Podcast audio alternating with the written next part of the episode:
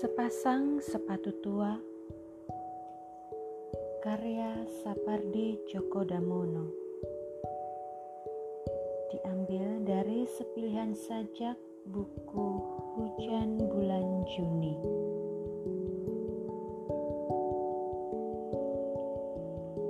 Sepasang sepatu tua tergeletak di sudut sebuah gudang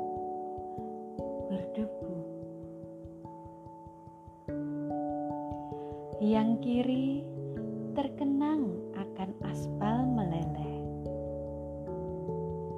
Yang kanan teringat jalan berlumpur sehabis hujan.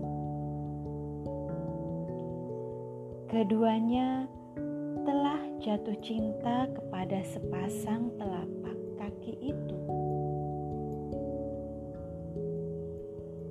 Yang kiri menerka mungkin besok mereka dibawa ke tempat sampah dibakar bersama seberkas surat cinta.